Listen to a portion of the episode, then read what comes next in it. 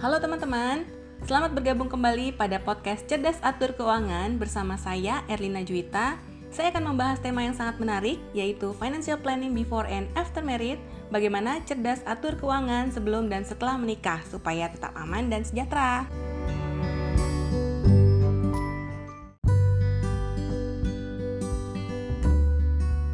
Teman-teman, tema financial planning before and after married ini ditujukan khusus buat kamu yang belum nikah loh ya.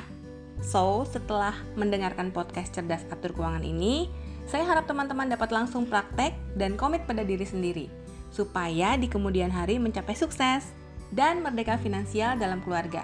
Sudah siap ya? Simak terus podcast ini, Cerdas Atur Keuangan sebelum dan setelah menikah, supaya tetap aman dan sejahtera.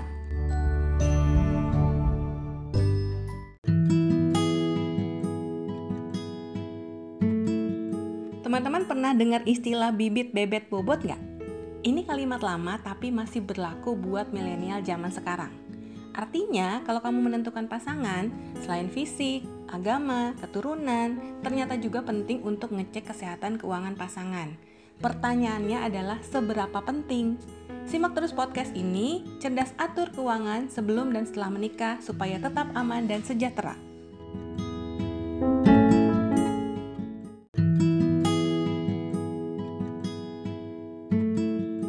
Nah, sekarang pertanyaannya seberapa penting?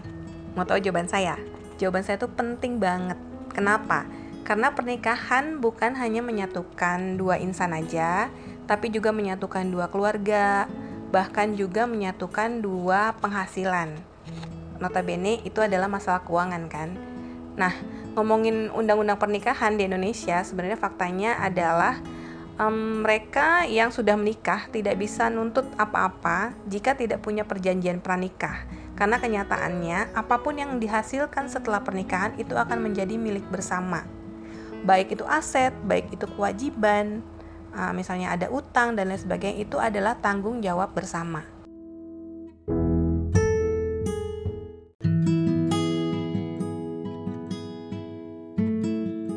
Buat yang belum menikah, saya akan share siasat menyiapkan dana pernikahan. Ada beberapa alternatif pendanaan pernikahan yang dapat dipilih ya. Yang pertama adalah cost sharing antara orang tua, calon pengantin, dan keluarga. Yang kedua adalah dengan cara menabung di berbagai portofolio investasi, misalnya tabungan rencana, eh, investasi logam mulia, atau reksadana. Yang ketiga adalah mencicil down payment-nya mau itu cicil dulu cateringnya atau tata riasnya terlebih dahulu, tempat dan lain sebagainya. Dan yang terakhir adalah dengan cara mencari penghasilan lain selain gaji.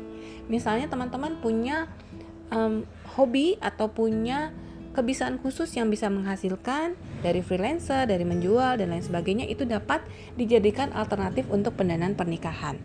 Nah, untuk alokasi dana nikah itu sebenarnya kalau dilihat-lihat sih yang wajib aja itu hanya sebesar 15% teman-teman yang wajib aja itu misalnya administrasi untuk yang kantor urusan agama mungkin membeli cincin mas kawin dan untuk acara-acara di akad nikahnya dan mungkin untuk seserahan dan sedikit furniture itu sekitar 15% dari keseluruhan alokasi dana.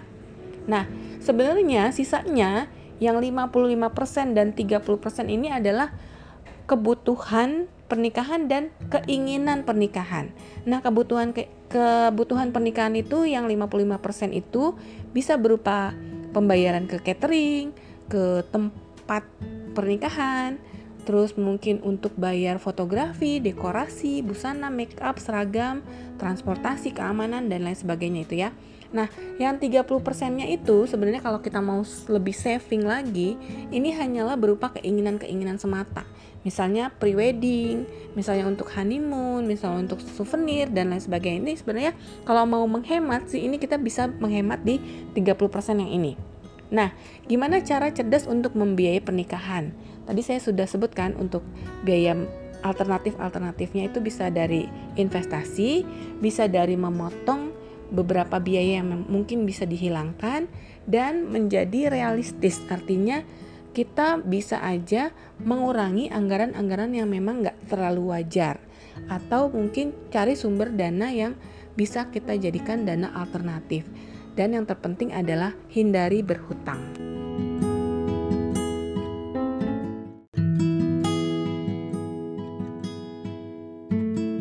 Sebagai perencana keuangan, saya cermati dana pernikahan ini adalah paling unik dibanding dana-dana yang lain, misalnya dana pendidikan, dana pensiun gitu ya.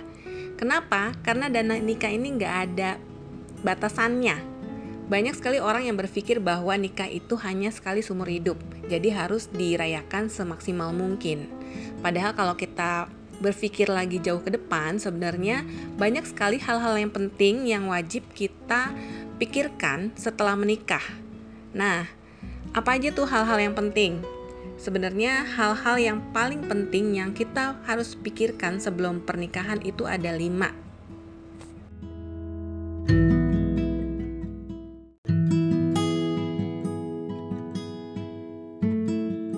Walaupun mungkin tabu, tapi sebenarnya kita harus mulai membicarakan hal-hal yang berhubungan dengan keuangan loh, sedini mungkin. Nah, untuk pasangan baru, ada beberapa hal penting yang memang harus dipikirkan. Saya mencatat ada lima hal penting bagi pasangan yang baru menikah. Yang pertama adalah alokasi anggaran. Yang kedua adalah komunikasi. Yang ketiga, prioritas. Yang keempat, tujuan keuangan. Dan yang kelima adalah investasi.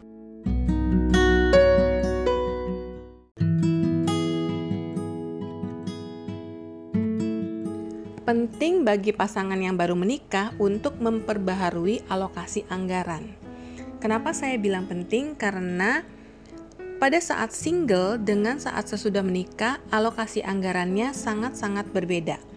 Contohnya gini, pada saat single atau sebelum menikah, bisa jadi penghasilannya hanya sebesar satu kali aja. Sementara pada saat sudah sudah menikah, jika pasangan Anda sudah mempunyai penghasilan, itu otomatis penghasilannya akan menjadi dua kali atau akan bertambah lagi. Nah, di sisi pengeluaran juga akan ada kelihatan bedanya. Pada saat single bisa jadi pengeluaran untuk lifestyle itu lebih banyak. Nah, pada saat sudah menikah bisa jadi pengeluaran yang bertambah adalah cicilan utang karena mungkin setelah menikah teman-teman memutuskan untuk mengambil KPR Beda pada saat menikah, teman-teman memutuskan untuk misalnya tinggal di rumah orang tua atau menyewa rumah. Nah, berarti di situ kalau ada yang menyewa rumah berarti kan pengeluaran di kebutuhan rutin atau kebutuhan untuk pembayaran sewa itu yang akan meningkat. Nah, dari sisi penghasilan bertambah, dari sisi pengeluaran juga bertambah. Nah, maka dari itu penting bagi teman-teman untuk memperbaharui alokasi anggaran pada saat sesudah menikah. Tujuannya apa? Untuk memperjelas lagi uh, sebenarnya pada saat saya sudah menikah ini sebenarnya uh, gimana nih kondisi keuangannya? Apakah sudah bergerak ke arah surplus atau malah nanti mungkin jadi defisit?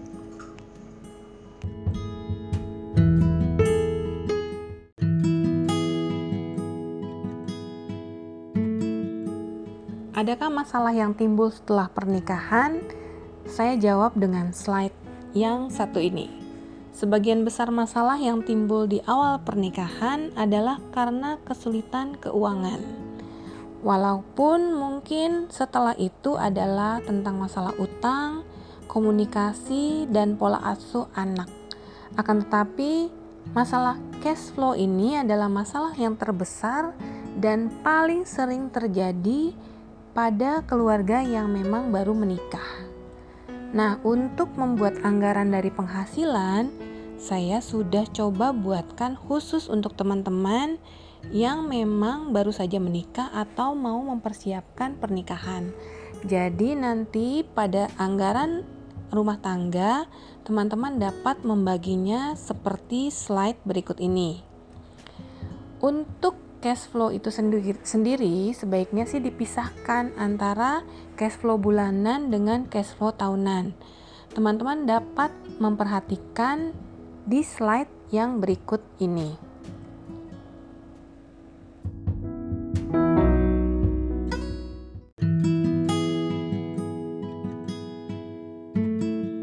Hal terpenting kedua untuk pasangan baru menikah adalah komunikasi. Bicara tentang uang ini sangat penting khususnya untuk pasangan yang baru menikah. Kita dapat membicarakan tentang penghasilan, tentang biaya-biaya, tentang utang atau tentang bagaimana pemakaian uang di rumah tangga. Atau mungkin nanti kita akan tahu nih siapa sebenarnya yang bisa menjadi manajer keuangan dalam rumah tangga.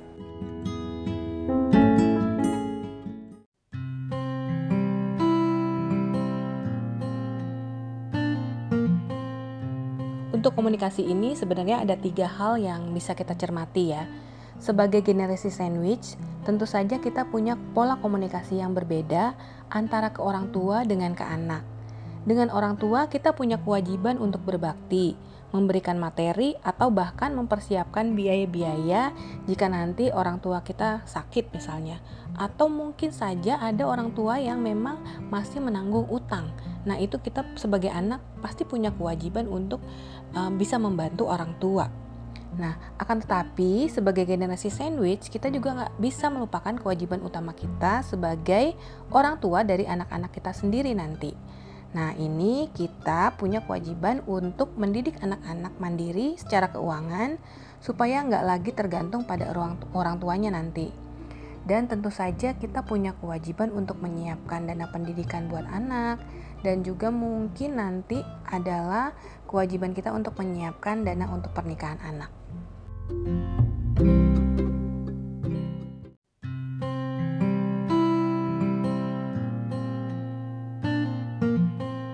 Convention ini maksudnya adalah mengakui kelemahan terbesar yang membuat boros.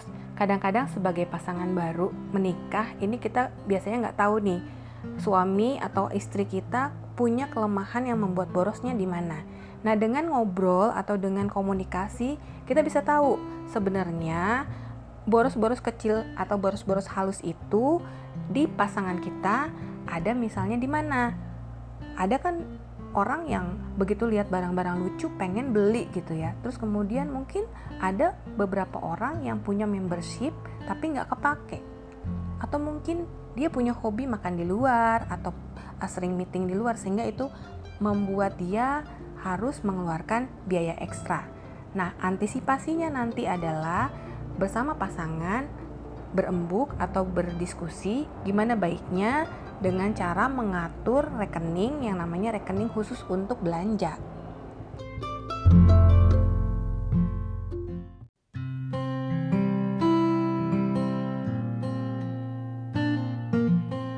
Sebenarnya membicarakan tentang berapa gaji yang diserahkan suami ke istri, siapa yang menjadi manajer keuangan, serta bagaimana pemakaian uangnya di dalam rumah tangga. Kenapa penting? Karena ada beberapa kejadian setelah menikah sang istri menjadi stres karena tidak diperbolehkan untuk bekerja kembali. Padahal sebenarnya sebelum menikah sang istri punya penghasilan dari pekerjaan yang sebelumnya. Nah, atau mungkin ada juga yang stres karena tidak seluruh penghasilan diberikan kepada sang istri. Jadi, untuk menghindari perselisihan yang seperti ini, jangan takut untuk memulai diskusi mengenai keuangan. Karena data terakhir masalah perceraian adalah tentang pola komunikasi keuangan. Jadi sebaiknya teman-teman yang baru menikah atau teman-teman yang baru merencanakan akan menikah, baiknya sih obrolin masalah keuangan itu sedini mungkin untuk menghindari hal-hal yang dapat terjadi pada saat setelah menikah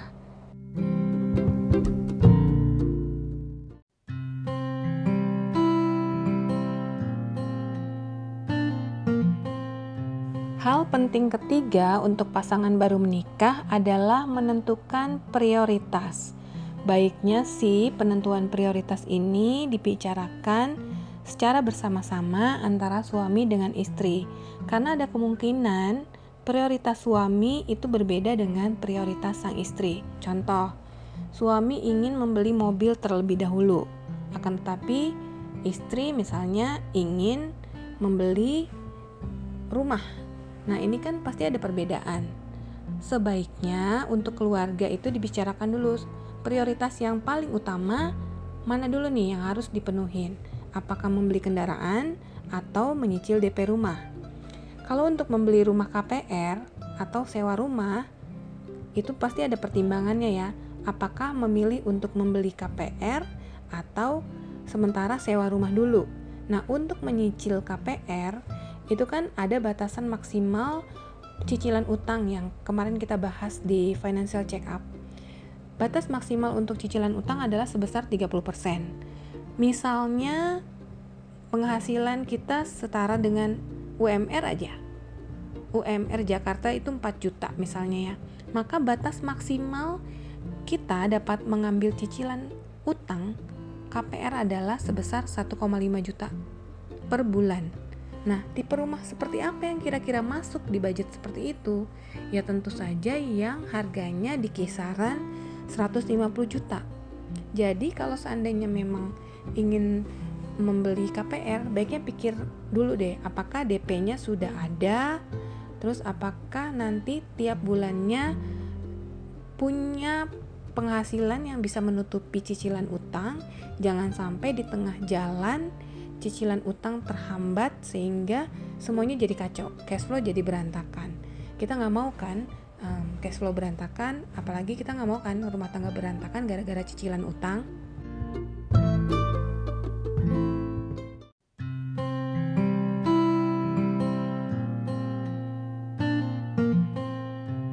Hal penting keempat buat pasangan baru menikah adalah menentukan tujuan keuangan. Seseorang memiliki status dan tujuan hidup yang berbeda-beda sesuai dengan di mana posisi dia saat ini. Misalnya, single pasti tujuan keuangannya akan berbeda dengan seseorang yang sudah berkeluarga.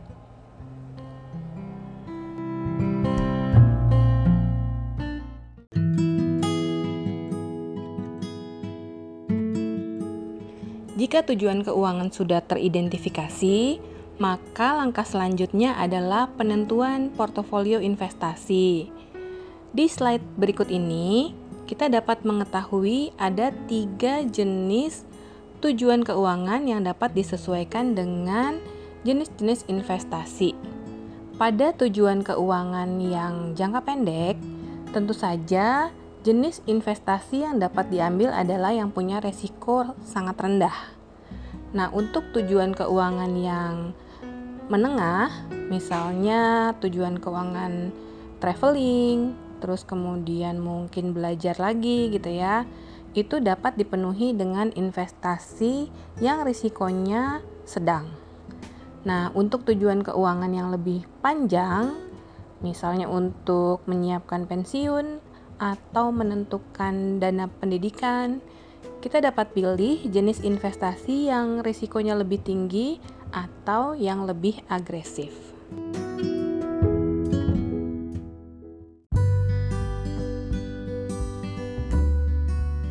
Baik teman-teman, demikian podcast Cerdas Atur Keuangan sebelum dan setelah menikah bersama saya Erlina Juita. Silakan share link podcast ini sehingga dapat bermanfaat buat teman-teman yang lain ya. Terima kasih. Thank you